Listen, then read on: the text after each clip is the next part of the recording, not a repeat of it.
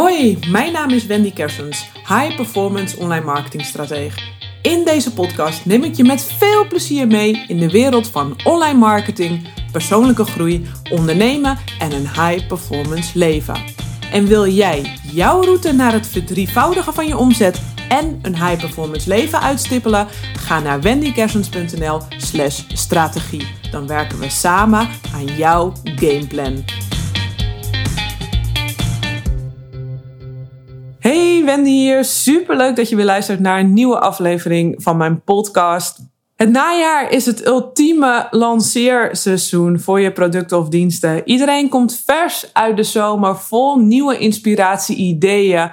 En in de persoonlijke ontwikkelingsmarkt, als je zeg maar in de health, wealth of de relationships business zit, of ieder geval daaraan bijdraagt om die onderdelen te verbeteren, ja, dan is er bijna geen betere tijd dan het najaar. Ja, omdat iedereen op vakantie heeft besloten het anders te willen, of mensen willen weer uh, hun leven beteren, uh, ergens aan gaan werken. Dus het is een fantastische tijd. Ook omdat we natuurlijk hier in Nederland de herfst induiken. En dat is ook altijd een tijd van donkere dagen. En dan hebben we ook gewoon meer ja, tijd, zeg maar, in de avonduren gewoon thuis uh, te besteden. Uh, wat ideaal is natuurlijk om weer een nieuwe cursus, training of iets dergelijks te doen. Dus grote kansen dit najaar. Dus ja, lekker lanceren uh, dit na najaar. Misschien doe je dat al, heb je er al plannen voor staan. Uh, ja, wat ik zie, ik kijk heel veel mee hè, bij ondernemers uh, met lanceringen, met uh, grote lanceringen waar echt ja, grote aantallen in omgaan en flinke budgetten, maar ook um, ja, flinke omzetten die daaruit komen.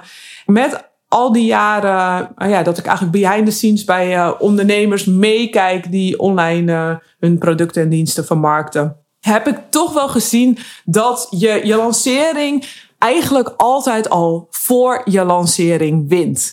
De tijd voor je lancering bepaalt eigenlijk of je lancering al dan niet een succes wordt. En uh, ja, hoe dat komt, dat komt eigenlijk door drie dingen. Uh, voor een goede lancering zijn drie dingen nodig. Ik noem het ook wel eens uh, dat er AAP voor nodig is. Dat staat voor aanbod, activiteiten en publiek.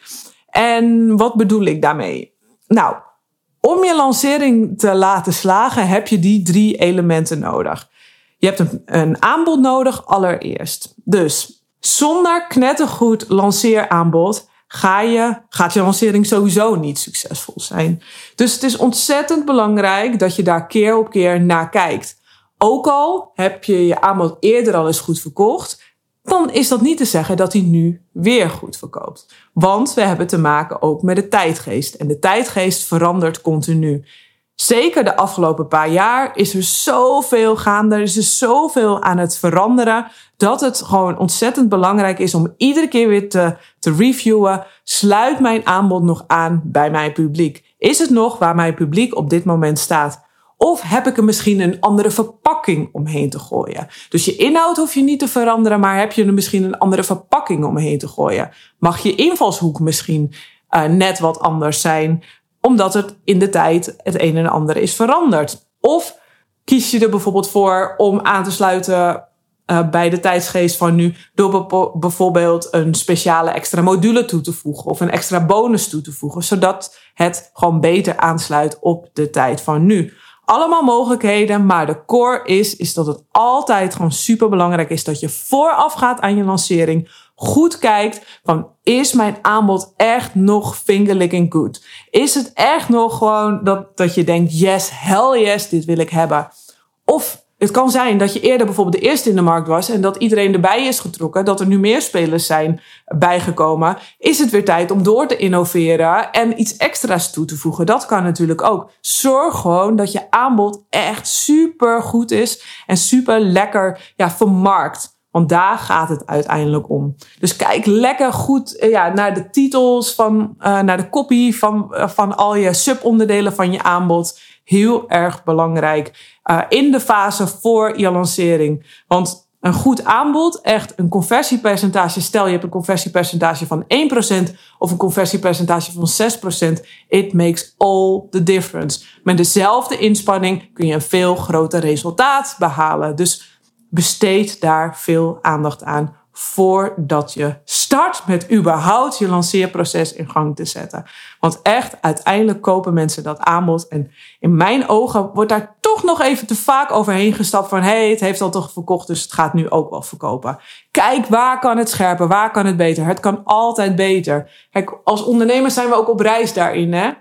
Het kan namelijk altijd beter. En ik bedoel, bij uh, Leonardo da Vinci ook. Die, die zou ook hebben gezegd, nou, mijn werk kon nog steeds beter.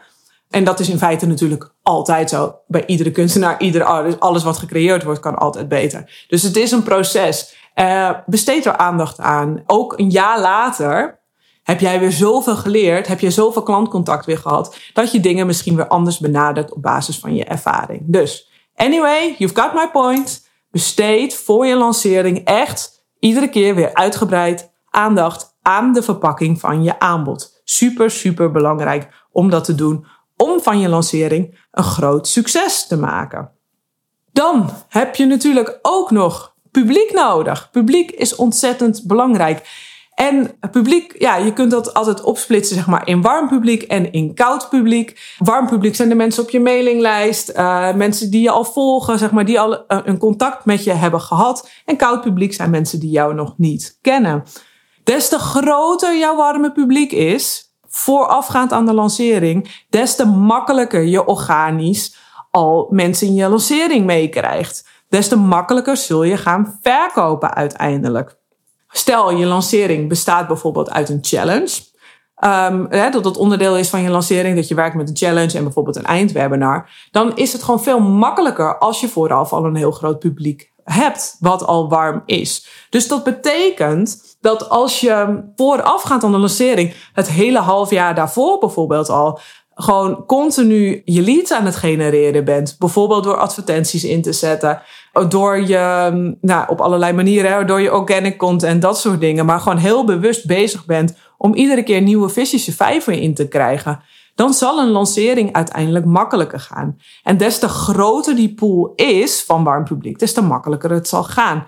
En je wilt natuurlijk de afhankelijkheid in de lancering van bijvoorbeeld koud publiek, wil je zo min mogelijk hebben. Want koud publiek wordt veelal geworven via advertenties bijvoorbeeld. Nu ben ik groot voorstander van advertenties gewoon gebruiken voor je lanceringen. Maar je wilt, des te groter je groeit, dat het aandeel organic iedere lancering weer groter wordt. En daar zorg je dus voor om voorafgaand aan de lancering, eigenlijk het hele jaar door, dus gewoon al te adverteren, zodat er continu uh, nieuwe visjes in vijver instromen. En als je dan lanceert, er al een flink warm publiek is. Dat is echt met stip by far de meest fijne manier. En dat is ook de reden waarvoor je een topspeler ziet. Hey, die lanceert wat en bam, in ene verkoopt hij massaal. Ja, want hij heeft dat publiek al. Dus iedere keer als diegene weer wat lanceert, ja, dan is het, mits het aanbod goed is, hè, dan is het iedere keer weer een succes. En dan is het van wow, en die heeft dat keer op keer. Ja, want die heeft dat publiek gebouwd. En als je eenmaal dat publiek hebt gebouwd en je snapt heel goed wat ze willen, kun je dat keer op keer herhalen. Dus ja, publiek is echt een, um, een belangrijke voorwaarde voor een succesvolle lancering. Uh, zorg ervoor dat je warme publiek zo groot uh, mogelijk is al voor die lancering. En niet dat je dan denkt, oh wacht, drie weken van tevoren, nu moet ik eens even wat gaan doen. Ja, dan ben je dus eigenlijk al te laat daarmee.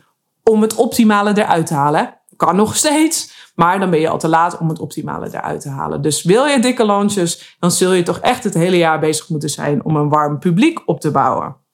Nou, als derde van de aap, ik noem het maar even aap, want het is leuker dan uh, APA bijvoorbeeld. Dus, maar dat zijn de activiteiten. Want ik begon dus met aanbod, toen met publiek en nu met de activiteiten. Want ja, zonder activiteiten kun je natuurlijk niet lanceren. Je moet het een en ander doen. Je moet tamtam maken, promotie maken. Bijvoorbeeld een challenge organiseren, masterclasses organiseren. Uh, podcast lanceren, wat je ook doet, wat jouw stijl van lanceren ook is. Mailseries, social series, you name it. Maakt ook niet uit wat het is. Maar ook die, daar win je voorafgaand aan je lancering. Want samenwerkingen bijvoorbeeld, stel je wilt gewoon uh, grote affiliate acties uh, doen, ook die ja, regel je al voor je lancering. Je moet niet zeg maar twee weken van tevoren bij iemand aankomen. hey, zullen we hier een, een collab in doen? Soms lukt het hoor, ik bedoel, absoluut. Maar wil je echt, echt gewoon grote aantallen, win-win situatie creëren, ja, dan zal er bij die andere ondernemer ook gepland moeten worden. En dan is er ook wat meer mogelijk. Dus ook daarin, je activiteiten plan je vooraf.